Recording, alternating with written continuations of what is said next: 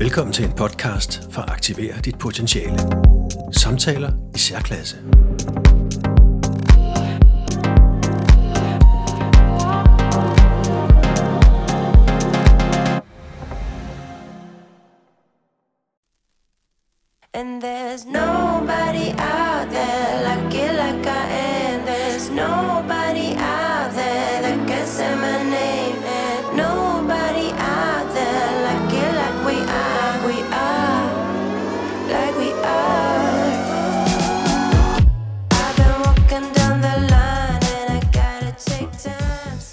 Velkommen til den lille lydbog, der hedder Gå aldrig ned med stress igen. Den er skrevet af mig, Simon Tavs Philip Nielsen. Du får lige et ISBN-nummer på den også. Øh, den hedder øh, 978-87-998834-2-4. Jeg har tænkt mig at læse den op, den her lille bog, og øh, øh, jeg skal arbejde med ikke at tænke så perfektionistisk, så det kan godt være, at jeg kommer til at øh, måske lige gentage en sætning eller to et par gange. Øh, men jeg håber, at du vil bære over med mig. Den her lille bog, det er bygget efter konceptet, øh, jeg kalder for 24. Det betyder 24 sider på 24 timer. Så efter et døgn skal bogen være gået i trykken. Det tvinger det umiddelbart frem i det, jeg skriver. Med risiko for stavefejl eller flere. Og håbet er, at det bliver til ærlige ord. Lige ud af posen. Lad os starte op. Her får du en lille og hurtigt læst bog om stress. Den er skrevet af mig, Simon Tavs Philip Nielsen. Jeg er sansestærk. Det man tidligere øh, kaldte for særlig sensitiv. Det betyder, at mit sanseapparat øh, arbejder mere intenst end de flestes. Både med sanseindtryk udefra, men også med egne tanker. Jeg grundlagde i 2016 Tænketanken for Sansestærke. Konceptet for en af mine bøger, det er, at det skal være umiddelbart. Det er nemt at fortabe sig i alverdens detaljer, rapporter, statistikker, beviser og overvejelser. Der sker noget for mig, når jeg bare skriver uden filter og uden alt for meget planlægning. Så derfor er bogen her skrevet og layoutet på et døgn. En slags pixibog for voksne. Vi kan ikke leve uden vores sanser, selvom mange gør, hvad de kan for at undertrykke dem. Når vi gør det, får vi blandt andet stress. Stress er et valg. Et valg med en prislap på. Både når du har det, og hvis du ikke vil have det. Men at undgå at gå ned med stress er prisen værd, uanset prisen.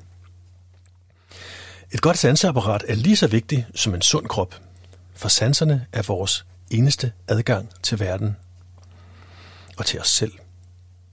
Med et trænet sanseapparat vil vi ikke acceptere at gå ned med stress, for vi vil for længst have fanget det i opløbet og ændret tingene i tiden. Det her handler ikke om fysisk styrke, det handler om sansestyrke. God fornøjelse. Et lille citat. Hvis alle lyttede til deres sanser og tog dem alvorligt, vil ingen, ingen gå ned med stress. Kan det være rigtigt? Det er da noget af et postulat. At ingen vil gå ned med stress, hvis de lytter til deres sanser og tager dem alvorligt. Men det er min overbevisning, og hvem ved, måske er det også din overbevisning om ikke ret lang tid. Du har sikkert allerede læst mange og tunge og gode bøger om stress. Og måske har du også været en tur forbi psykologen, kommunen og lægen. Måske sidder du lige nu med en fornemmelse af, at du virkelig har gjort alt, hvad der er muligt. Mens du samtidig stadig kan mærke, at du er præcis lige så stresset indeni som altid. Når en som jeg skal give råd til andre, er det så bedst, at jeg har været det hele igennem selv? Eller er det bedst, at jeg netop ikke har været det hele igennem? Fordelen ved at have været det hele igennem med at gå ned med stress er, at så ved jeg, hvordan det føles, og hvad der følger med. Fordelen ved ikke at have været nede med stress er, at så har jeg måske nogle værktøjer, der kan inspirere andre til heller ikke at gå ned med stress. Jeg ved ikke, hvad der var tungest for dig, men jeg har altså ikke selv været nede med stress. Og da jeg heller ikke har planer om at komme det, må du nøjes med at blive inspireret af en, der ser det lidt udefra. Ubalancen. I min verden er stress lige ubalance. Forstå mig ret. Der er sådan set ikke noget galt med følelsen af stress. Det er et tegn på, at du fungerer, og at din krop er i alarmberedskab. Det har sikret os vores overlevelse gennem tiden. Dyr bliver også stressede, for når der sker noget, der kræver en mulig flugt eller kamp, er det meget nyttigt, at vi er klar. Forestil dig en Formel 1-bane, lige inden racet går i gang. Hvad sker der? Alle kørende har speederen godt nede og er klar til at fyre bilen af på det helt rigtige tidspunkt. Der er ikke nogen, der lader bilen gå i tomgang og i frigir i den situation. Hvorfor? Fordi bil og fører er i alarmberedskab. De ved, at de skal præstere rigtig meget lige om lidt. Sådan er det også for os. Hvis vi føler, at vi skal præstere noget ekstraordinært, eller ikke har det godt i situationen, reagerer vi med stress. For så er vi klar. Det er helt efter bogen. Bortset fra, at stress er et værktøj, vi ikke skal tillade os selv at trække på alt for ofte. For det er vi ikke bygget til. Det kan vi ikke holde til. Stress skal være undtagelsen for reglen. Men for rigtig mange mennesker er det i stedet gået hen og blevet selve reglen. Vi skaber os et nyt udgangspunkt, hvor vores forhøjet beredskab går hen og bliver hviletilstanden. Vi skaber en ubalance i os selv. Vores krop kører med udrykning hele tiden, og det er ikke sundt.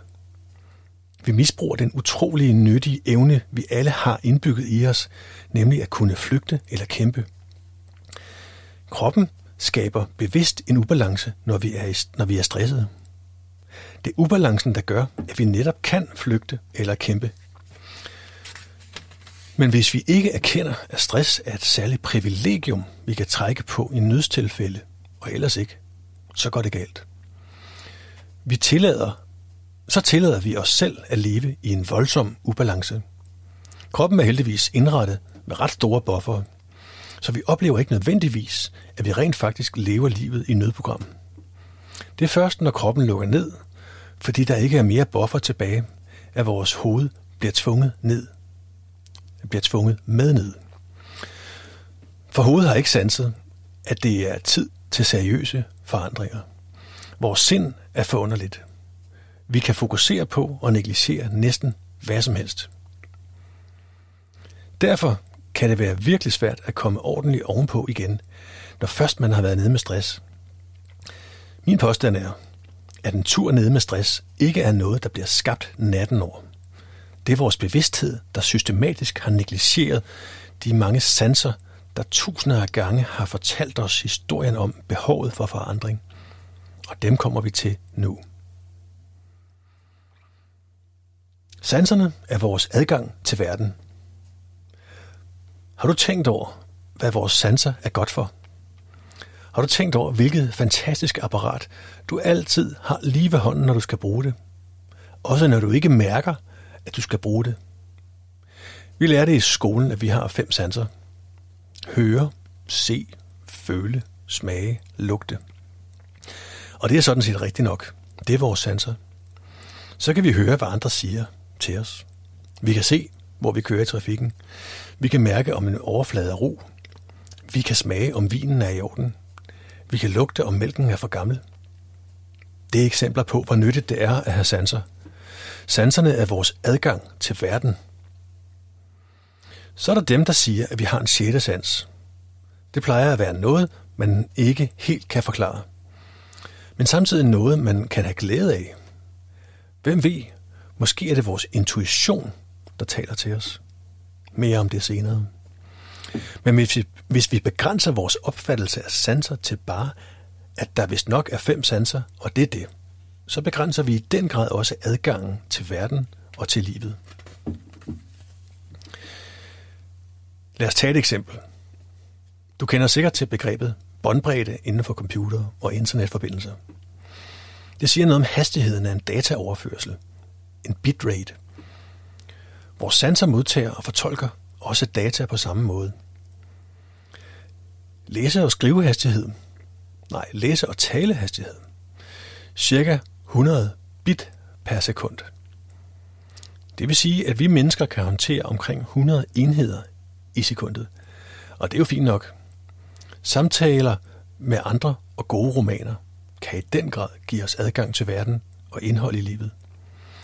Men hvis vi et øjeblik ser på, hvad vores synssans kan håndtere, er vi oppe på cirka 100 megabit per sekund. Det vil sige, at vores synsans kan håndtere omkring en million gange flere sanseindtryk, end når vi for eksempel taler sammen. Det er jo vildt. Og hvor har jeg så det fra? Det kan jeg ikke huske. Og, det, og da det her handler om virkeligheden, og ikke om at demonstrere færdigheder på et universitet, vil jeg tillade mig postulatet. Det vil helt sikkert falde nogen for brystet. Men verden er for spændende til at lade sig stoppe af dem. Hvor kom vi fra? Øh, vores synssans versus vores høresans. Vores enorme båndbredde på synsansen kan nok forklare, hvorfor vi viser film i biografen og ikke bare serverer lyden. Omvendt kan det ikke forklare, hvorfor vi kan opleve langt mere ved selv at læse en bog øh, eller få læst op, end at se selve, selv den bedste film. Nu er det fristende at tænke, at så kan for eksempel en samtale eller det skrevne ord slet ikke give mening i forhold til at se en film. Der er jo en latterlig lav båndbredde, øhm, der, der er forbundet med at tale sammen eller læse. Men det er helt forkert, for sanserne er langt mere end bare en remse på fem ord og nogle tilhørende tal. Vores sanser kan meget mere. Og for langt de fleste af os moderne mennesker er der meget at arbejde med, når det kommer til at nyttiggøre vores sanser. Kunne man forestille sig, at det i virkeligheden er kreativitet, vi taler om her? Små børn har lukket helt op for deres sanser. Efterhånden som de bliver større, uddanner vi dem i at lukke sanserne mere og mere. De rationelle fag har i alle samfund en større validitet, vægt og respekt end de kreative. Så i takt med, at vi får flere og flere eksamensbeviser for vores faglige kompetencer, får vi flere og flere dubbekarakterer for vores menneskelige kompetencer. For eksempel evnen til at lytte til os selv, at tage os selv alvorligt, at opbygge et højt selvværd. Men det opdager vi ikke, øh, at der står, øh, og, der, og det står i øvrigt heller ikke i eksamensbeviset nogen steder. Det kan måske være med til at forklare, hvorfor der ikke er nogen sammenhæng mellem uddannelse og stress. Højtuddannede kan blive lige så stressede som dem uden formel uddannelse. Men det er nok forskellige ting, forskellige mennesker bliver stresset over. Underbevidstheden. Vi har længe vidst, at vores underbevidsthed er langt større i omfang end vores bevidsthed. Men hvad er det, der bliver fyldt ind på hylderne, uden at vi ved det? Det er vores sanser, der arbejder. Både de fem sanser, men også de indre signaler, der ikke kræver brug af vores ører, næse osv. Jeg betragter det hele som vores sansapparat. Og det er den samlede mængde af sensorer og sanseindtryk, der er interessant her.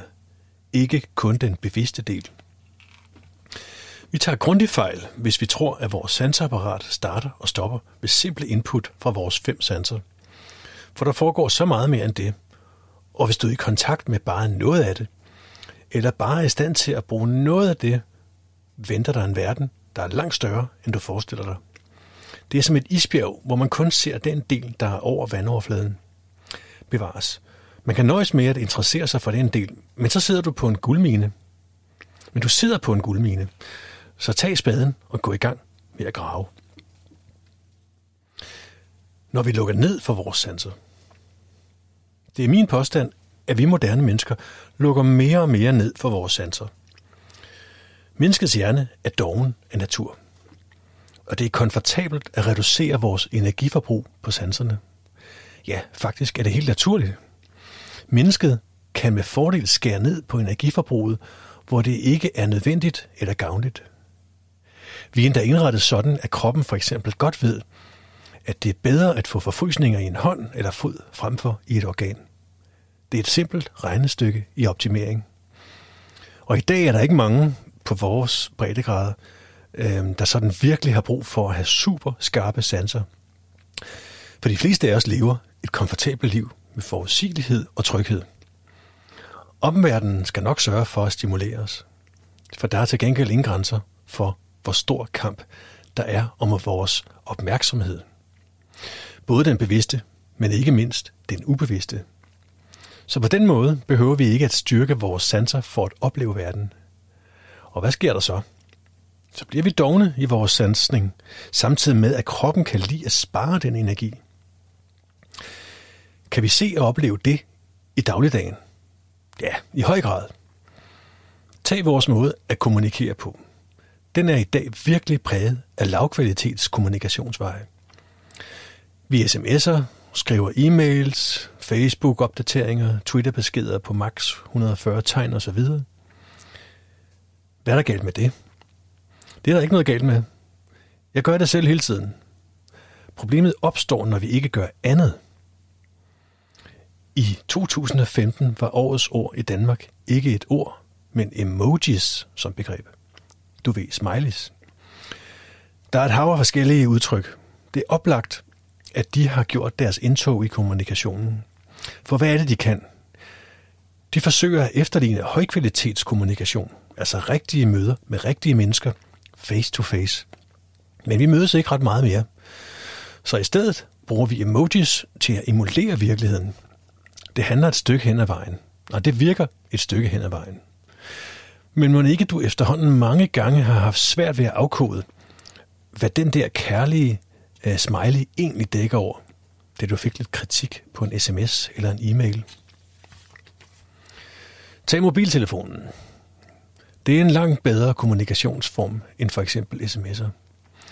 For nu kan vi få langt flere sanseindtryk med i kommunikationen, såsom øh, tonefald, stemning, pauser, åndedræt og alt det andet underliggende. For det er det usagte, der forsvinder mere og mere. Samtidig med, at, at det her, at guldet ligger begravet. Hvorfor tager erhvervsledere og præsidenter til den anden side af jorden for at spise en middag med andre erhvervsledere og præsidenter? Fordi det er den ypperste form for kommunikation. Der foregår så meget mere i kommunikationen end det, der bliver sagt. De kunne godt have skrevet et par sms'er i stedet og nået til samme pointer på den måde. Men det er slet ikke sådan, det fungerer. Heldigvis. Hvad sker der, når vi ikke bruger en, en del af vores krop og vores evner? Så mister vi muskelmasse og styrke. Styrke er ikke kun noget, der hører musklerne til. Jeg vil gerne introducere dig til ordet sansestyrke. Altså vores evne til at nyttiggøre vores sanser bedst muligt. Hvorfor er det ikke noget, vi alle går til? Jeg ser fitnesscenter overalt. Hvad laver man der? Man holder sig i fysisk god form og sund form og opbygger fysisk styrke.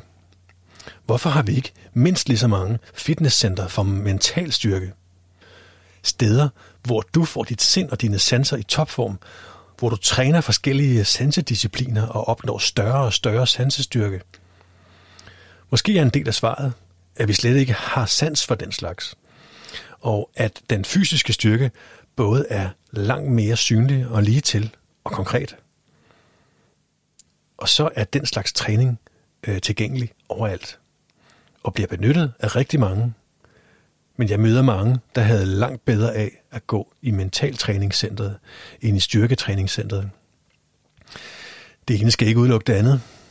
Men uden et stærkt sanseapparat og et højt selvværd, bliver de store overarm aldrig til mere end en gimmick. Tilbage til stressen. Lad os komme tilbage til hovedsporet, nemlig stress. Stress er et virkelig slidt begreb. Alle taler om det, og trods uendelig mange indsatser, kurser, forløb, kurer, ferier, bevillinger, behandlinger, samtaler osv., bliver stress kun mere og mere udbredt. Og vi skal ikke tage fejl. Der er penge i det. På samme måde som der er store økonomiske konsekvenser med at gå ned med stress. Både for den stressede, men bestemt også for en arbejdsplads for eksempel. Kan vi så ikke bare lade være med at stresse? For det ville være den oplagte løsning. Og når man spørger folk, hvad det er, de er stressede over, er det sjældent konkrete problemer, men mere en følelse. Og følelser er altid ægte, så der er grund til at tage dem alvorligt. Og er det ikke samtidig svaret på ovenstående spørgsmål? Altså at vi ikke altid bevidst og rationelt kan svare på, hvad det er, der gør os stresset. For måske er det netop det ubevidste, det irrationelle, der påvirker os. Hvis nu vi er helt fremmede over for den slags indflydelse, kan jeg godt forstå angsten for stress. Så kan vi ikke andet end opfatte det som en fremmed og skjult invasion af os. Vi kan med andre ord ikke bare lade være med at stresse, hvis nogen fortæller os, at vi har grund til at være stresset. Øh, og hvis nu der bare var nogen klare og logiske årsag-virkningssammenhæng, ville det være nemt. Men det er der mærkeligt nok ikke. Lad os tage nogle eksempler. Vi siger ofte, at vi har for travlt og er stresset af arbejdsmængden. Og det kan sagtens være. Men jeg tror ikke, at stress vokser proportionelt med arbejdsmængden. Hvem kender ikke til det med at foretage sig noget, vi kan blive så opslugt af, at vi glemmer tid og sted, og på ingen måde bliver stresset af det. Og det skulle også betyde, at ledige slet ikke er stresset. Men det er modsat. Ledige er langt mere stresset end dem i arbejde. Vi kobler af. For eksempel med en ferie langt væk fra det hele. Eller vi dyrker mindfulness for at komme i en tilstand af ro og kontrol og nærvær. Begge dele er sundt og godt. Men lad os være ærlige. Det vil ikke fjerne årsagerne til, at vi er stressede. Det vil i kortere perioder lindre og distancere problemet, men det er smertelindring. Hvis vi ligner en succes, er vi det nok også. Ved du, hvad jeg mener? Det er så meget nemmere at gå ud og købe et eller andet lækkert, der giver os anerkendende blikke og følelsen af glæde og succes, frem for at arbejde med os selv. Det er ofte ikke til at se på mennesker, at de er svært stressede og deprimerede. Eller også har jeg ikke sansapparat til det. Men jeg er mange gange blevet overrasket over øh, så mange mennesker, jeg kender, der skjuler nogle tunge byrder. Det trods for, at de udadtil er helt på toppen, både i udseende og opførsel. På de kommende sider vil jeg præsentere dig for en model, der visualiserer situationen. Forklaring følger bagefter. Her kommer to cirkler. Øhm, jeg kalder den potentiale cirklen. Og som sagt, øh, beskrivelsen og forklaringen kommer bagefter. Men du skal forestille dig øh, en cirkel øh, med, med en masse små punkter på, på den ydre cirkel, og indeni er der en, en stor prik. Øh, de punkter, der er yderst, det er det, jeg kalder handlingsparametre. Øh, det er vores hjælpere. Nu læser jeg dem bare op. Nulpunkt. Ressourcer. Forholdemåde. Selvdisciplin. Mod. At inddrage andre. Handling. Intuition og mavefornemmelse. Passion. Tid. Krav. Og man skal forestille sig, at øh, inden i cirklen, det er dig eller mig. Og at vi bruger de her handlingsparametre, vores hjælpere, når vi gør fuld brug af vores sanser. På den næste side her er den samme potentiale cirkel vist, bare som en ellipse, hvor, hvor du eller jeg ikke er i centrum længere, men vi er forskudt ud til siden. Der er de samme handlingsparametrene. Det er, når vi ikke har glæde, nok af vores sanser. Forklaringen følger. Potentialecirklen. Når det handler om stress, har vi nogle faktorer i spil. Ubalance, sanser, handlingsmuligheder. Og pointen i figurerne er, i hvor høj grad du bruger dine sanser rigtigt og fuldt ud. Gør du det, er du i balance med dig selv. Bruger du ikke dine sanser rigtigt og fuldt ud, er du i ubalance med dig selv. Ubalancen viser sig ved, at du befinder dig et andet sted, end hvor du ideelt set bør være. Ubalance. Ubalancen er selve stressen. Hvis du lyttede til dine sanser og tog dem alvorligt, vil du ikke gå ned med stress. Så ubalancen opstår, når vi mennesker ikke lytter til os selv. Når du er helt i balance, viser det sig i form af en cirkel. Det er altså den første model. Jo større ubalance der er i dit liv, jo mere vil cirklen blive trukket ud til en ellipse, altså den anden figur. Som tegn på, at du har bevæget dig et sted hen, der ikke er en del af dig. Et sted, hvor du ikke lytter og reagerer på dine sanseindtryk. Forstå sanser i en udvidet form. Det er selvfølgelig de fem sanser, vi alle kender, men det er mindst lige så meget de signaler, der farer rundt i kroppen på os, og som fortæller alle historierne om, hvordan det egentlig går. Din indre efterretningstjeneste. Handlingsmuligheder. Handlingsmuligheder er, eller handlingsparametre, er knapper, du kan dreje på og påvirke selv i en eller anden grad. Hvorfor er det vigtigt? Det er det, fordi vi meget nemt kan føle os handlingslammede og magtesløse, når det kommer til stress. Og det værste, vi kan gøre, er at trække, trække offerkortet. For det er den ultimative overgivelse. Det er meget bedre at tænke i handlemuligheder. Lad mig gennemgå handlemulighederne. Det bliver den korte version. Men så får du i hvert fald et indtryk af, hvad, hvad du kan bruge dem til. Og nu øh, nævner jeg så de her forskellige øh, handlemuligheder, der var øh, i, i, i cirklen i modellen. Nulpunkt. Vi vælger selv vores udgangspunkt. Hvis vi har vedtaget, at 50.000 kroner om måneden er en helt naturlig løn, vil alt under være uacceptabelt. Hvis skjorten som udgangspunkt hedder boss, vil det være et nederlag, hvis den i stedet hedder H&M. Så det udgangspunkt, vi sætter for alting, bestemmer, hvad vi kan stresse over, og hvad der kan gøre os lykkelige. Kan du huske, da du var 20, og forestillede dig, at du tjente 30.000 om måneden? Så var alle problemer løst, og du ville leve et lykkeligt liv. Men mere vil have mere, og du bliver ikke glad af det. Så måske er det godt for dig at flytte dine nulpunkter ned ad stigen igen. Det er dit valg. 100 procent. Ressourcer. Tænk over, hvad du bruger din energi til. Det er et rigtig godt sted at starte. Forestil dig, at du finder ud af, at du har fyret al din energi af, inden vi har nået frokost.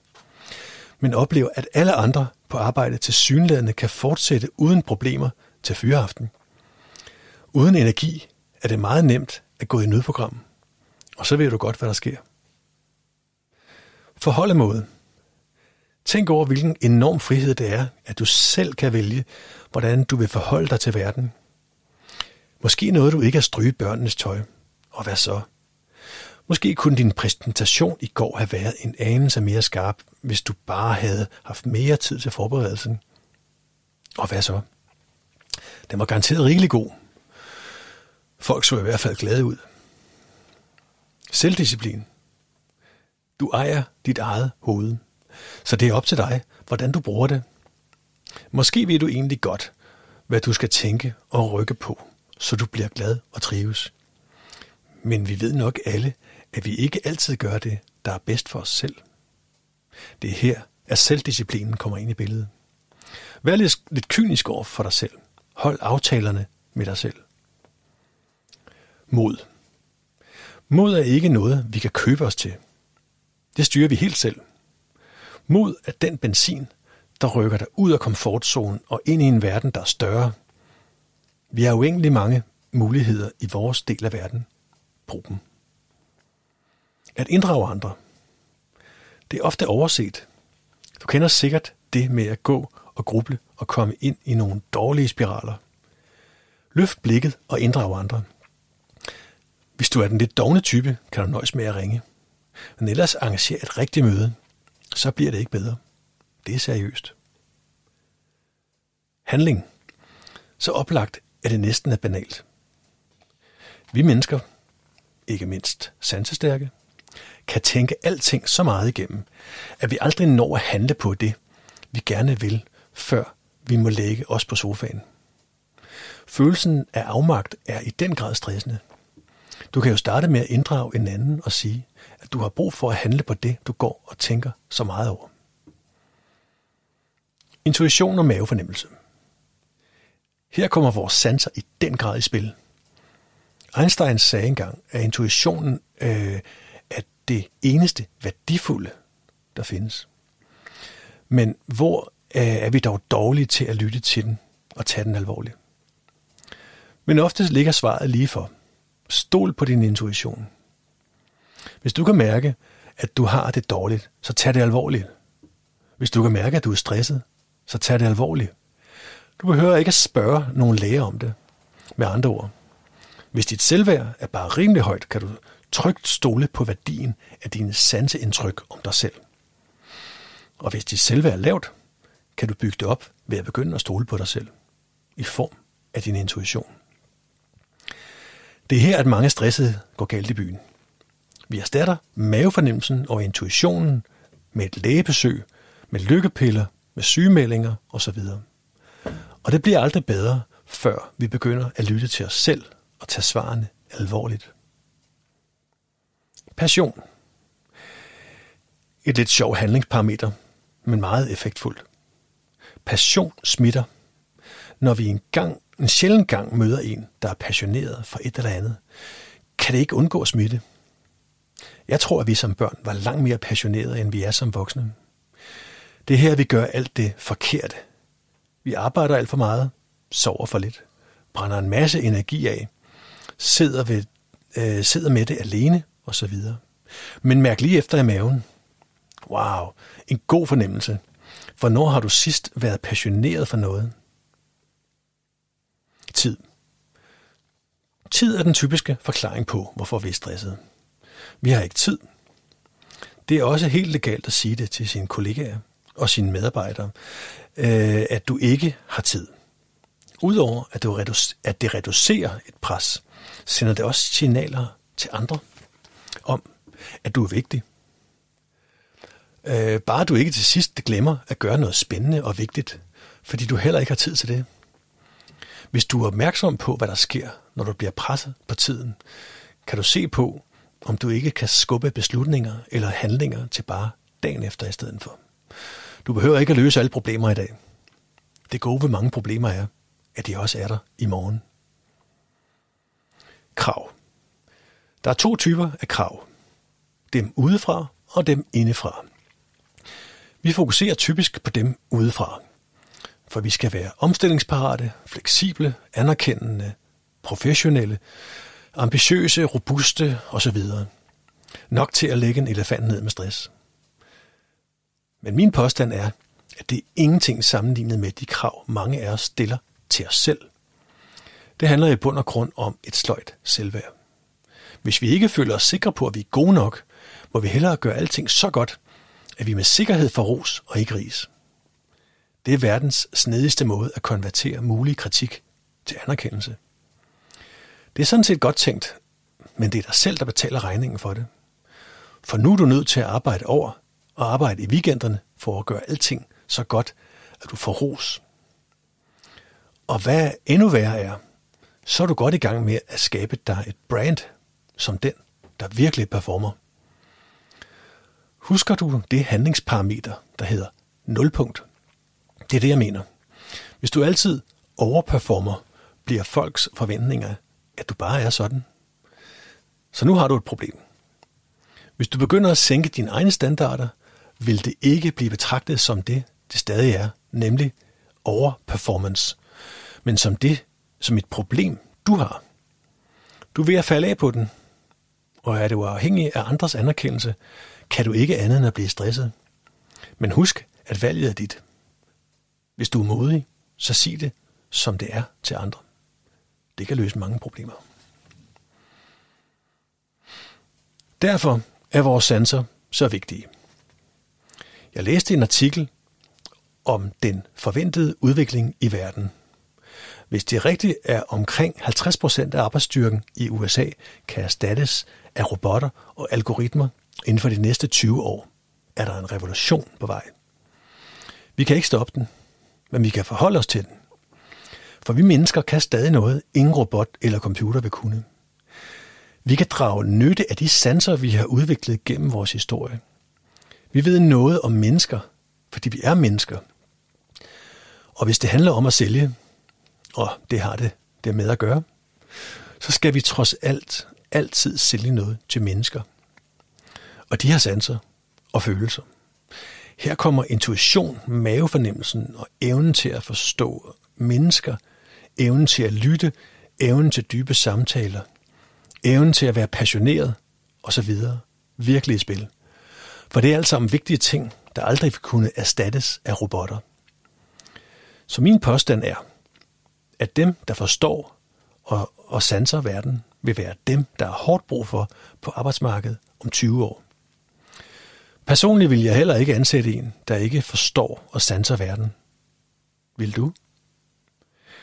Hvis du hører til den type, der synes om mine pointer, vil jeg meget gerne hjælpe dig og jer med at gøre noget ved de stressproblemer, jeres virksomhed formentlig også oplever.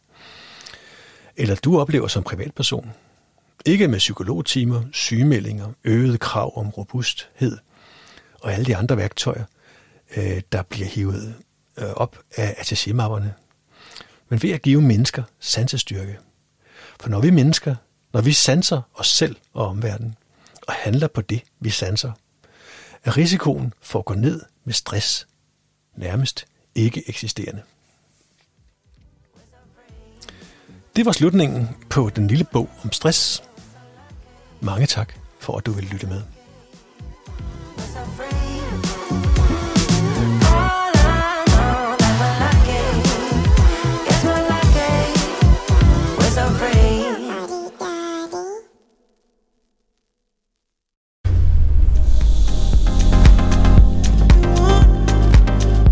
Hør flere podcasts på din foretrukne platform.